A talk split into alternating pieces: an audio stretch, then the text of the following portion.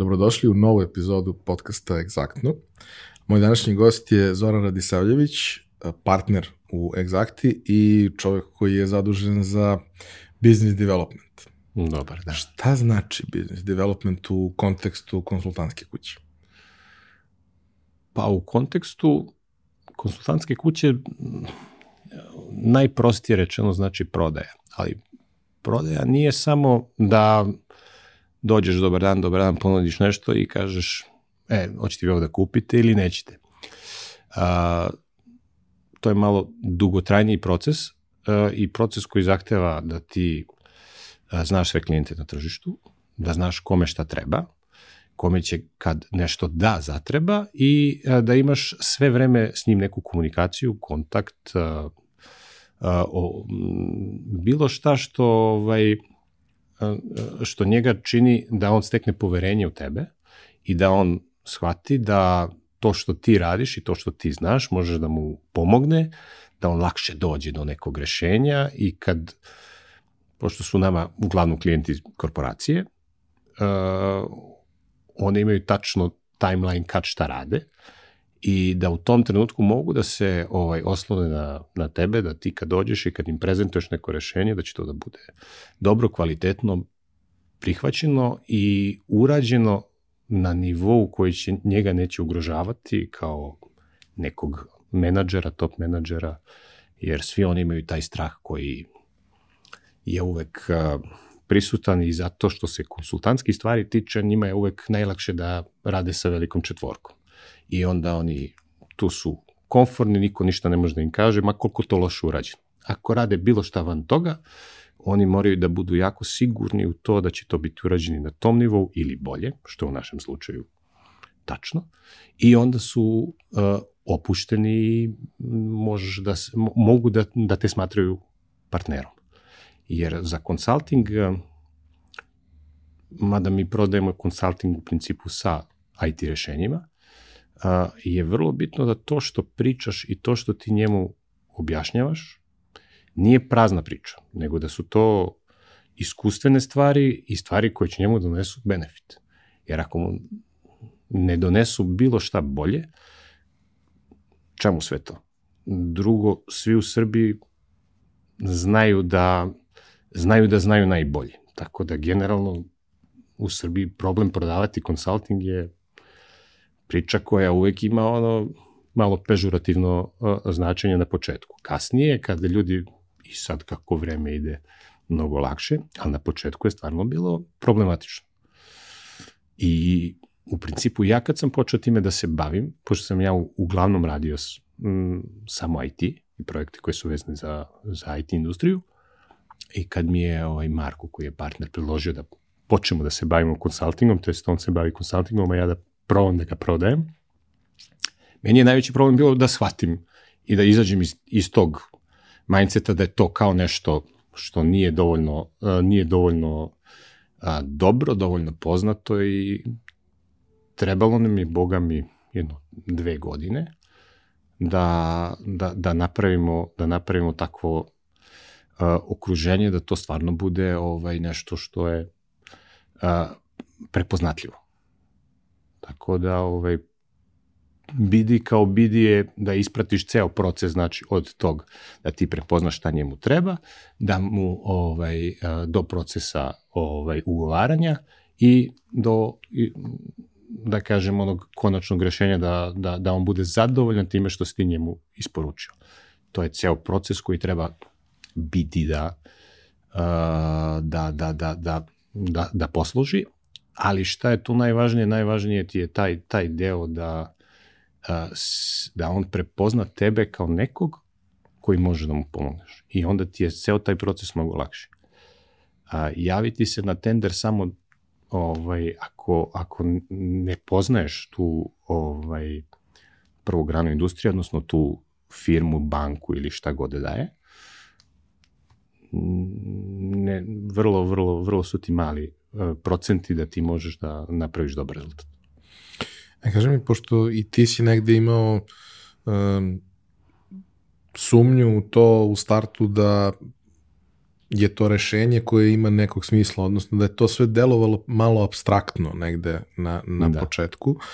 Um, posle, naravno, kroz konkretno iskustvo i konkretne urađene projekte sve, sve dođe na svoje mesto i sa druge strane ti imaš track record kojim potvrđuješ da, da apsolutno možeš to da, da izvedeš. Koliki je problem, pretpostavljam da sa međunarodnim korporacijama to nije slučaj zato što je kod njih to nešto što je uobičajena praksa decenijama unazad. Da. Ali koliko je ovim nekim uh, firmama koje po veličini bi jeli, trebale da budu korporacije, ali baš organizacijono obično baš i nisu. nisu. Koliko je njima to abstraktno i koliko, kako rešavate taj jaz koji postoji između razumevanja jedne i druge strane šta konsultanti treba da donesu na sto? Pa to i jeste najveći problem Srbije zato što te sve firme koje su obično porodične i obično kreću od neka, ne, nekih manjih i lakše za organizovati firmu i lakše za probiti se na tržište i sve ostalo, a onda postanu dovoljno veliki, ali ne poraste i management ili to ostanu obično otac prebaci na sina ili na čerku ili na zeta ili na tako to. A ovaj i oni dopreti do njih jeste ovaj, da ne može da im priđeš da kažeš ok, ja sam konsultant, ja znam bolje tvoj biznis od tebe, jer si ti taj, jer svako ko pravi svoju firmu, on misli da je on najbolje poznaje i da u principu šta ti meni novo imaš da ponudiš kao takav, a ovaj, a, ti onda moraš sasvim drugačije, drugačije pristup, odnosno ti s njim a, formiraš neki a, formiraš neki odnos u kome a, on iz nekog neformalnog razgovora dolaziš da ti on kaže problem, jer ti kad dođeš kod njega on će reći da njegova firma nema problema, on super radi, on zarađuje ne znam koliko god, kako god, I onda ti, ok, nećeš sigurno tako nastupiti. Nastupit ćeš u nekom običnom razgovoru gdje ti on kaže, pa dobro, imam probleme sa, ne znam, sa prodajom, ovaj mi nije dobar, imam probleme sa malo, ne znam, taj marketing i ovo ono i obično imam, imam najveći problem sa IT-em. Istom takozvanom digitalizacijom. I ovaj, kad mu ti a, moraš da mu pomogneš na taj način da on ispadne dovoljno inteligentan da on sam tebi predloži takvu vrstu saradnje, jer ako ga ti pušuješ da ti to bolje znaš od njega, to vrlo teško da se desi. A, ovaj, a, ti znaš jedan deo bolje od njega, ali on svoju firmu zna najbolje. I on zna šta je najbolje za njegovu firmu. Tako da ovaj, u tom odnosu ti moraš da plivaš da to bude ovaj, onako melirano i da to ne bude previše agresivno, jer uh, bilo koju našu firmu tog tipa da, da napadneš preagresivno, rezultat nikad nije dobar. Povuku se u sebe i kažu, ma daj, ne treba to meni. Mogli smo i do sad bez toga. Mogli smo mi to bez toga, znači to ti pusti i to prodaj tamo, znaš. E, suština kod, zašto se mi malo razlikujemo kao egzakta, jeste što mi, i zašto je nama lakše, e, zato što mi njima to što im predložimo, pogotovo IT-u kao rešenje, mi možemo i da im napravimo i da im pustimo i napravimo i, i radionice i demo i da oni to vide i da vide koliko će da im bude lakše, jer nije onda da im kažemo, ok, vi treba da te procese digitalizujete i to je to, ok, dobro, to svi znaju. Ali treba da ih a, a, a, napravite na, na taj taj način, treba da im damo i platformu na kojoj će to da urade i damo, i damo im celo rešenje da se oni ne moraju da se uh, muče sa raz, raznim drugim tenderima, pa traženjem drugog partnera, trećeg partnera za sve, mi im završimo ono, ceo proces. I tu, uh, tu je naša prednost, pogotovo lokalnu, nad, nad, nad, nad ovaj, drugim firmama. Tako da, za sad je to super uh, i kako ide vreme sve bolje i bolje. Zato što to što si spomenuo da kad već imaš case negde urađen, to ti je najbolja preporuka za, i, i naj, najbolje otvaranje vrata. Ti kad uradiš nešto u nekom, nekoj od naših najvećih banaka, na primjer, tebi ne treba neka velika prodaja da to prodaš svim ostalim. Jer svi oni gledaju dve, tri najjače banke kod nas, da ne imenujem, svi znaju ko su, i čim njima uradiš nešto što, je, što ih izbaci malo iznad, onda bi svi drugi to da urade isto i onda ti je to ovaj, vrlo, vrlo, vrlo lako. Tako da... A jedna stvar koja, koja me tu zanima vezano za, da kažem, taj odnos klijenta i, i konsultantske kuće. U e, razgovoru sa Markom najviše došli smo do toga da je e, iz njegovog ugla i pozicije najčešće posao konsultanata da na strateškom nivou naprave plan i sve ostalo, ali da se ne bave tim delom egzekucije, realizacije.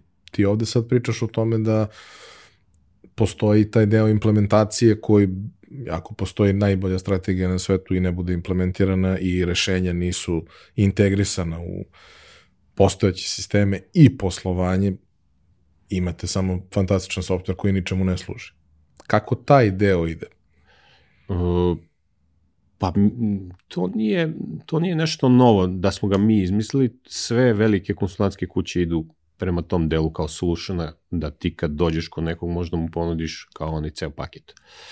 A, mi imamo taj da dođemo da napravimo strategiju, da napišemo to što ti kažeš, sve kako to šta treba da se uradi i šta mi mislimo da je najbolje, ali ovaj, uh, paralelno sa tim ponudimo i da im to celu egzekuciju, ko neko, neko želi, neko ne želi. Većina ljudi e, im je mnogo lakše da to, da im mi pomognemo, ako ni u čemu drugom, onda da budemo samo PM na, da im I ako to nije proces koji mi znamo da radimo, to je koji mi imamo u, našem, u našim solutionima, da im pomognemo da izaberu koga će da radi i da, ih, i da ispratimo ceo taj proces i da im na kraju pokažemo i da budemo tu sa njima i da im pokažemo uh, sve benefite toga, jer to što smo i mi ispričali, oni kažu ok, bit će neke uštede, bit će možda bolja prodaja, bit će, ali kad im uradiš ceo proces i kad oni to vide i, i kad uh, vide rezultate, to je onda, to je onda prava stvar. E sad, uh, vratio bih te jedan korak nazad ili malo više koraka nazad. Uh, u prethodnom periodu pričali smo dakle sa, sa Markom i Nenadom koji imaju korporativni background i koji imaju, da kažemo, Marko, ozbiljnu konsultantsku karijeru koja Absolut. prethodi ovako nečemu i ozbiljnu korporativnu karijeru koja prethodi tako Absolut. nečemu.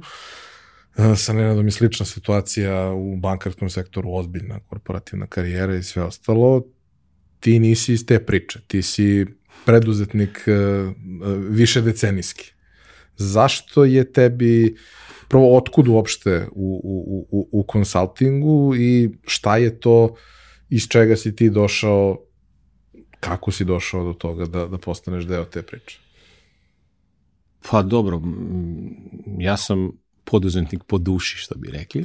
A, ja sam završio elektroniku telekomunikacije, ali to je bilo davno, to su 90. godine, koje je sad, koliko se publika seća ili ko ovako od nas stariji, pošto sam ja najstariji kod mene u firmi, ovaj, nije bilo baš, nije ni bilo korporacije, to je vrlo bitno, a i u principu biznismeni su bili vrlo onako koloritni tipovi koji su stekli taj kapital na ovaj ili onaj način, a pošto smo mi uvezli taj kapitalizam najnižeg tipa, gde je samo bitno da ga imaš, a nije bitno kako si ga stegao, nije bilo lako raditi. I u principu ja sam ovaj se snalazio, odnosno u principu prodavao sve što uh, sve što sve, sve što sam mogao i a da je to i ole imalo smisla i moglo da se ovaj jedina korporacija gde su se moje kolege zapošljavale su braće Karić mobilna telefonija.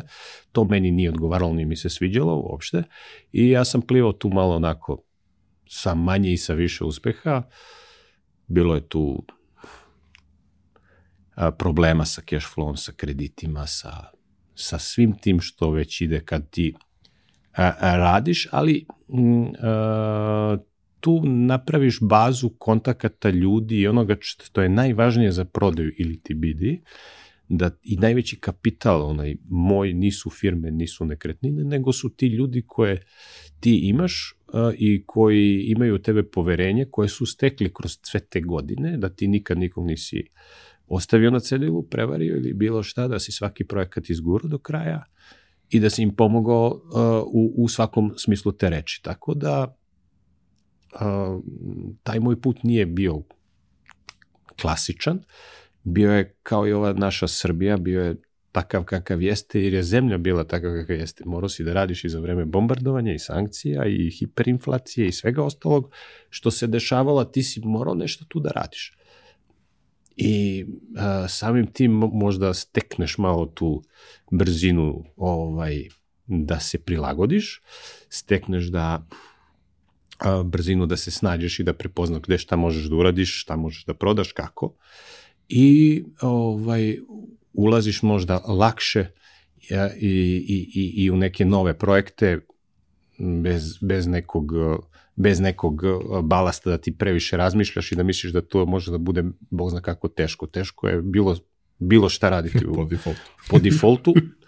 Kreneš, radiš i onda dođeš do, do, do nekog rezultata koji ovaj, je za sad dobar, a, a sa Markom, mene Marko uvuku u, u, u sistem, mislim, u consulting i to kroz jednu moju drugu ljubav koja se zove ovaj, uh, zidanje ili ti nekretnine. Mi smo neki, imali neki zajednički projekat na Koponiku manji, gde smo, jako smo se znali dugo, uh, počeli da pravimo neki tako biznis odnos gde smo videli šta može jedan, a šta može drugi i onda me on pozvao da, pošto je njemu korporacija bilo malo preko glave, kažem, pravimo nešto, hoću pravim nešto svoje, hoću se bavim konsultingom.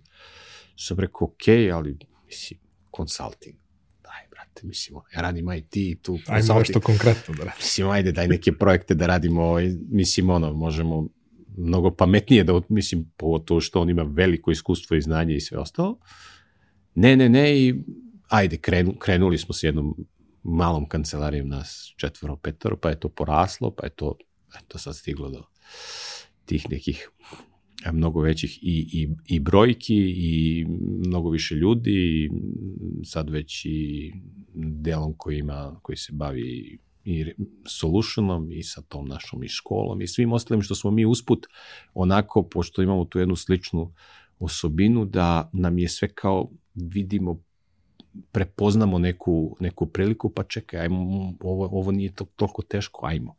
I onda tek kad kreneš, onda vidiš da to i nije baš tako a, lako kao što izgleda i da nije, ovaj, tako da smo razne diversifikacije radili i, i razne firme kupovali, ali dobro, u principu ja, ja sam jako zadovoljan sa svim tim kako je to ispalo na kraju i ka, u kom pravcu ide, tako da ovaj, E, najvažnije meni je bilo da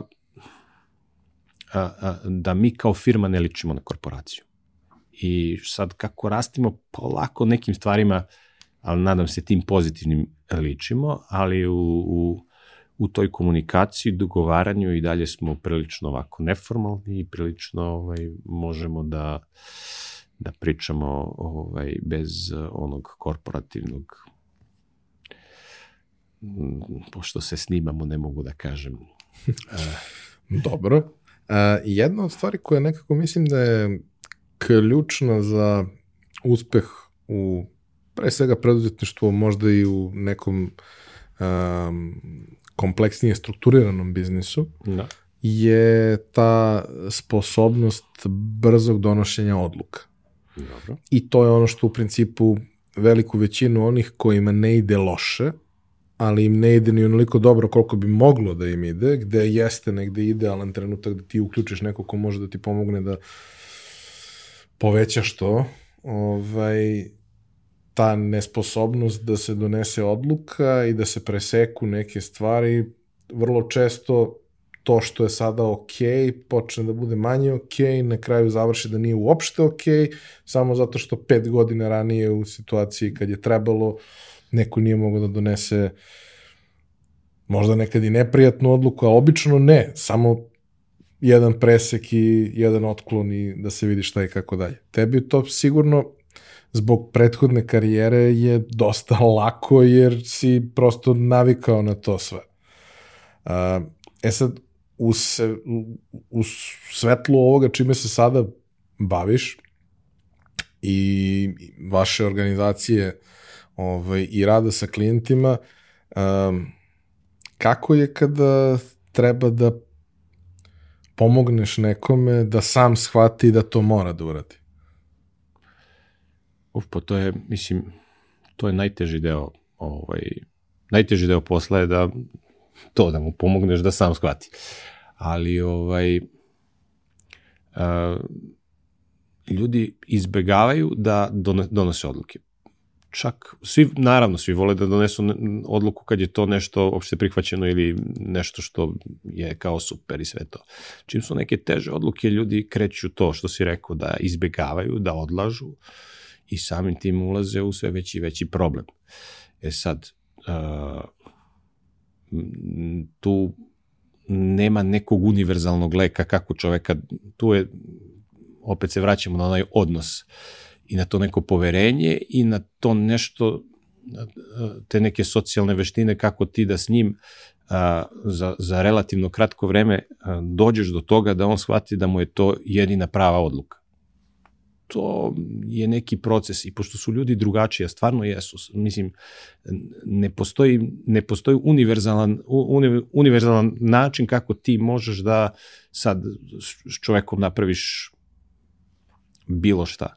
To se, ja ne znam da li to može i da se uči, ja mislim da se to ne uči, da se to čo, imaš ljude koji su socijalno bolji i, i, i imaš ljude koji jednostavno nisu za te, za te neke stvari, ali ovaj, ja, pošto gajimo istu ljubav prema basketu, ovaj, ja najviše volim da procenim čoveka kad odemo da odigramo basket zajedno. I onda vidiš tačno da li je ovaj, da li je timski igrač, da li igra za sebe, da li voli da pobedi, da li se može da, da, da se, kako se uklapa, kako nalazi svoju, svoju ulogu u različitim ovim e, ekipama i timovima i ti možeš tu da proceniš svakog čoveka. I onda dolaziš do, do toga kakav je, a onda kad, kad ukapiraš kakav je čovjek, najteže je prepoznati, pošto mi svi volimo kad se upoznemo s nekim da budemo naravno što bolji, što šarmantniji, što duhoviti i sve ostalo. E sad, kad što brže ti ukapiraš ko je kakav i ja to kažem, staviš ga određenu fioku da znaš kakav je, manje ti iznenađenje, znaš šta od njega možeš da očekuješ. Najveće su ti uvek razočaranje od ljudi koje ti smatraš da su bolji nego što realno jesu i tu se uvek, uvek javlja problem. Ako ti si dobro procenio čoveka, ti možeš i da ga navedeš, i da mu pomogneš, i možda znaš šta od njega možeš da očekuješ. A ako ga pogrešno proceniš, onda sve što se desi sam si kriv. A koliko često imate tu situaciju gde neko suštinski angažuje vas ili nekog drugog konsultanta da bi delegirao odgovornost za donošenje te odluke koja je neprijatna? Da bi mogao suštinski da kaže nisam ja, oni su. A, dobro, to je, to je to je če, mislim to je često zato što ne samo da bi skinuo odgovornost, mislim što je u principu mm, ovaj nego što neki ljudi ne žele da da nose to na to to im je teret. Ako treba recimo da im dođe neko i da im kaže dobro ti treba da otpustiš 20 ljudi iz prodaje. I on kaže kako ja znam porodice, znam ljude, znam sve što znam o njima, ovaj, znam mu ženu, dete, ti onda kažeš dobro, ok, ali to mora da se nađe ili, ili mu nađi neki, da mu nađeš izlaz kako bi on tog čoveka mogao da iskoristi negde, drugo, negde drugde u, u firmi, da ga ne otpusti, ali mora da nađe rešenje, jer taj status quo celu firmu ugrožava. I onda ljudi to, ja, neki lakše, neki teže prihvataju, ali a, najviše vole da im ti daš ono kao kompletnu ovaj kompletno rešenje kao evo ja nisam to što kažeš ja nisam kriv pa mislim da čak i u Americi su to ovaj, postoje te firme koje se bave isključivo otpuštanjem radnika i dolaze, pričaju kao, znaš, i zna se kada dođu u korporaciju da će da otpuste 5%, 10% ljudi i to je to. Da, pre par godina je bila situacija u jednoj firmi, dosta smo tad ovaj, aktivno radili, firma sjajna, fantastični rezultati, ali neka je procena na kraju godine da to nešto nije dobro i sad ovaj, treba da se smanji, mislim da je bilo 10% mm -hmm. radne snage. I um, oni su angažovali nekog eksternog konsultanta da im pomogne oko toga. Ono što mi je bilo zanimljivo tada, jer još uvek sam relativno bio klinac, nisam znao previše o tome, da recimo ti konsultanti, njihov zadatak uh, ima nekoliko načina na koje oni to mogu da rade, ali uh, nije bio zadatak da oni izaberu najgore performere. Uh mhm. -huh. Jer će se ti jako teško zaposliti. Naravno, nije cilj ni da one najbolje, nego da iz neke srednje kategorije odaberu ljude i onda su im dali ponudu koja je uobičajena, jel se u takvim nekim situacijama u dobrim firmama daje da ili možda dobiješ otpremninu koja je značajna, ili mi smo ti našli ove dve opcije možda kreneš da radiš sutra koje su slične, platno, na nivou, sad naravno ljudi biraju šta je, šta je njima zanimljivije. Interesantno mi je bilo kad sam pričao sa tim ljudima, jer oni su međunarodni, imaju neke statistike, koliki procenat naših ljudi je, je izabrao posao, a ne otpremninu. Mm -hmm. Da je kod nas to mnogo veći procenat ljudi bira tu sigurnost sledećeg posla, iako suštinski ni ne zna firmu, ali ok, upoznaju se, jel? a ne otpremninu koja je neka značajna količina novca i ti sutradan imaš slobodu da radiš šta hoćeš ako si dobar ovde bar ima dovoljno posla za kvalitetne ljude, ali se sećam tog problema koji su oni imali, uh, jer je open space. Uh mhm. -huh. I kolege idu na klanje. To je bukvalno taj osjećaj. I onda kada je par godina kasnije to ponovo trebalo da se desi za neki manji broj ljudi, pre nego što je organizovano to, organizovano je renoviranje prostora i oni su ispomerani i kada su se vratili na stare pozicije četiri meseca kasnije, po zgradi su im promenjene ovaj, lokacije, tako da niko nije znao ko je otišao izvan timova sa kojima je sarađivo, što je 2% firme. I jako čudan osjećaj, jako puno tih nekih pomešanih čudnih emocija koje tu vidiš na jednom mestu, kako ono sistemski da smanjiš taj negativni efekat koji dobijaš kada sto ljudi na spratu vidi kolegu koji odlazi i koji se vraća da sakupi sa kutijom, da sakupi svoje stvari. Da, dobro, to je već ono, čuveni ni američki filmovi kao i to već viđeno i uvek ima neka saksija sa cvećem i obično se nosi to, ali sve to normalno, mislim, svaki taj, svaki taj pad, mislim, pad u tom nekom smislu, taj neko koji je otišao odatle možda nađe neki mnogo bolji posao ili se bolje snađe to je sve stvar prihvatanja. To je najveći problem ljudima koji su, koji su živeli za taj taj neki posao koji već imaju previše godina da bi ponovo krenuli iz početka i tu je, tu je suština problema. Inače, problem menjanja posla ovim mlađim generacijama uopšte ne postoji. Oni čak, koliko ja primećujem, ne vole da, da, da, da budu nešto mnogo vezani za nešto. Uh, vole to da, da, da imaju tu kao slobodu i da, da mogu da budu ono kao free. Svi bi voleli da budu neki freelanceri, kao radim kad hoću, koliko hoću i za koga hoću. Tako da mislim da će taj problem da bude sve manji i manji. Mislim i sa otpuštanjem i, i sa ovaj i, i sa tim prelascima, izlascima i ovo, jer u suštini ovaj, kako bude išlo vreme, svako će moći da radi odakle hoće, kako hoće, a sad da li će baš teorijski to bi trebalo bude tako, da li će stvarno da bude tako i vidjet ćemo. Ja sam pre recimo 20 godina prvi put došao u kontakt sa da kažem, nekim aktivnijim radom sa, sa kolegama koji su iz Sjedinjenih država. Uh -huh. Koji su u tom trenutku svi negde 5 do 7 do 10 godina, možda stariji od mene, znači već imaju neku karijeru od 10 godina. I kod njih je bilo potpuno normalno da ti na godinu do dve menjaš posao ili menjaš tim u okviru firme, pa ok, imaš jednu stavku u CV-u pod istom firmom, ali potpuno drugi tim, druga priča, ili menjaš firmu i ok, radio sam sa ljudima koji su stvarno bili, bili sjajni, Ovaj, I ti kad pogledaš taj CV, sve te firme su jako, jako ozbiljne i sve. Tek kad odeš tamo shvatiš da, ono, kao, to što neko, ne znam, radi u Facebooku, Facebook je, mislim, zastava. Facebook je 200.000 ljudi, mislim, to nije nikakav prestiž raditi u Facebooku. Prestiž je biti neki Head of middle nešto. ili nešto više od toga u menadžmentu, ali kao, brate, svaki treći čovek radi u Facebooku. Ali ti neki ma, e, manji sistemi i, i specifičnosti koje su oni nosili i taj moment da je njima, recimo, konkretno Amerima, uh, naročito u IT-u, bilo vrlo atraktivno i interesantno da putuju po Evropi, da rade po godinu dana u nekim zemljama po Evropi, Norveškoj, Francuskoj, Holandiji, da steknu neko međunarodno iskustvo. To mi je bilo super interesantno i vidim sada to 20 godina kasnije kod nas. Čini mi se da, da toga ima sve više i više kod onih koji naravno imaju mogućnost da im je posao takav da mogu to da uradi. Vidim i sad i u konsultingu dosta ljudi koji nakon 25. 6. kad su ovde napravili neki rezultat, gledaju da možda u, okviru Big Four pređu u neku drugu zemlju na neku sličnu poziciju jer žele da, da se oprobaju na nekom tržištu koje je možda izazovnije.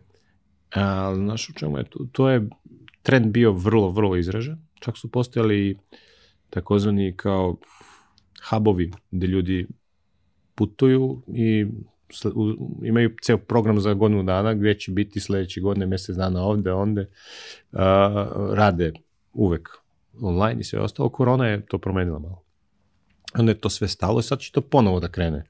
Kao, ovaj, a, jer je putovanje bilo mnogo teže, ali šta je interesantno da je sa koronom su shvatili da im a, mnogo manje treba taj kao office kao takav, nego da može da se radi online. Samo što su, i to smo i mi videli, rezultati su u konsultingu značajno, a i u IT-u mnogo loši. Ako ljudi rade od kuće, jo, ne mogu da se poredi još uvek rad od kuće i rad u, u, u ofisu i rezultati su ovaj, baš, baš drastično loši. Mi smo imali primer, ovaj, smo imali jednu firmu koju smo među vremenu prodali u Nišu, outsource firma klasična, 160 ljudi, i ovaj, sad kad je bila korona, krenuli da rade od kuće, ovo ono, prolazi korona i nama pošto smo isto vreme dok, dok je trajala korona, mi jedini nismo otpuštali ljude, nego smo primali, pošto je oslobodilo se mnogo, mnogo kvalitetnih timova, nismo imali a, ovaj potrebu da ih primimo kod nas i da uzmemo što kvalitetniji, ovaj, što kvalitetniji ljude da bi digli kvalitet firme.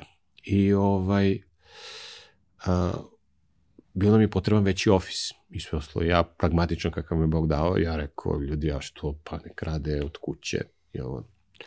I moj prijatelj Boža dođe i kaže, Zoki, on nišlija sa sve onim i akcentom i kompletno, kaže, da, ali kaže on, ja kad vidim da on meni u četiri noću šalje izveštaj i kad odem kod njega kući i kad vidim da on sedam dana nije izašao, otvorim i u, u, u, ono, u šorcu i ono brada i sve ostalo da on za sedam dana nije izašao iz kuće, donose mu hranu, popaljeni oni svi, ne zna da li je dan, da li je noć. Kaže, meni je odgovornost moja socijalna jeste da ga nateram da on ustane ujutru, umije se, dođe na posao, bude sa ljudima i da to ima nekog smisla, kaže, nego da ga pustim tako da, da živi u nekom svom, svom svetu. I tako da to ima svoji prednosti i mana, a sad vreme će pokazati Stvarno kad tako opišeš to ustajanje ujutro zvuči užasno. Ove, ovaj, ali ja sam primetio jednu stvar isto radeći sa, sa i našim internim timom i sa nekoliko uh, drugih timova na projektima da uh, na kratki rok do srednji nema neke značajne razlike u performansu, jer svako ima šta pegla od taskova. I to mož, mogu da rade bez problema ali onaj deo gde treba zapravo da sede, pričaju i dogovaraju se oko nekih kompleksnijih rešenja nekih problema, sve ono što se dešava u, tako reći, u praznom hodu ili Jest. u kancelariji dok se radi sve ostalo, pa se priča o nečemu, o čemu god, brate, da se priča o utakmici juče, pa je opet provući će se u nekom trenutku neka tema ili ono na pauzi za ručak pored water coolera kako god, jer svaka firma ima neki svoj ritual za Da. to, ali te stvari ne mogu da se dobiju kroz kolaborativne alate. ne mogu i taj odnos koji se, koji se pravi sa to što kažeš utakmica koja je bila pa prozivke između zvezdaša partizanovaca mi smo uvek podeljeni svi po raznoraznim ovaj i sve to to ti pravi malo malo tu neku neku neku socijalnu priču koja je mnogo bitna za posao i e, koja te vezuje za za određenu firmu. Jer ti ako, ako se ne osjećaš deo, deo tima i ne osjećaš se deo zašto se pravite korporativne žurke, zašto se pravite team building, i to niko izmislio zato što, eto, kao, naš, super zvuči. Ne nego da bi se ljudi stvarno osetili i, i, i da im se da nešto da, bi, da bi oni shvatili da nisu tu puka radna snaga koja je danas tu sutra nije, nego da bi bili deo nekog tima, da bi oni mogli da, da ljudi računaju na njih i sad, ok, ima tu doza iskrenosti, ima nekad i nečeg drugog, ali suština je da to mora da postoji. I ovaj rezultati to što kažeš na kraćem jeste, ali što se tiče tog nekog bilo koje vrste tog brainstorma, ako nisu ljudi Mislim, zato su i napravljeni open space-ovi, baš da bi ljudi mogli da što više komuniciraju i da mm, dobacuju nekih ideja i, i onda dođu do nekog rešenja koje na početku verovatno nije ni bilo na, ovaj, realno, ali se dođe. Tako da mislim da, da, da, da taj rad od kuće, samo, samo rad od kuće mm, neće, neće moći da zaživi bar. Bar se nadam, ja mislim da bi to bilo baš pogubno. Mislim da je neki, da je neki hibrid, ono, Hibrid, u da. principu idealno rešenje, a to što kažeš, e, zato su napravljeni open space-ovi, a i par godina kasnije noise cancelling slušalice.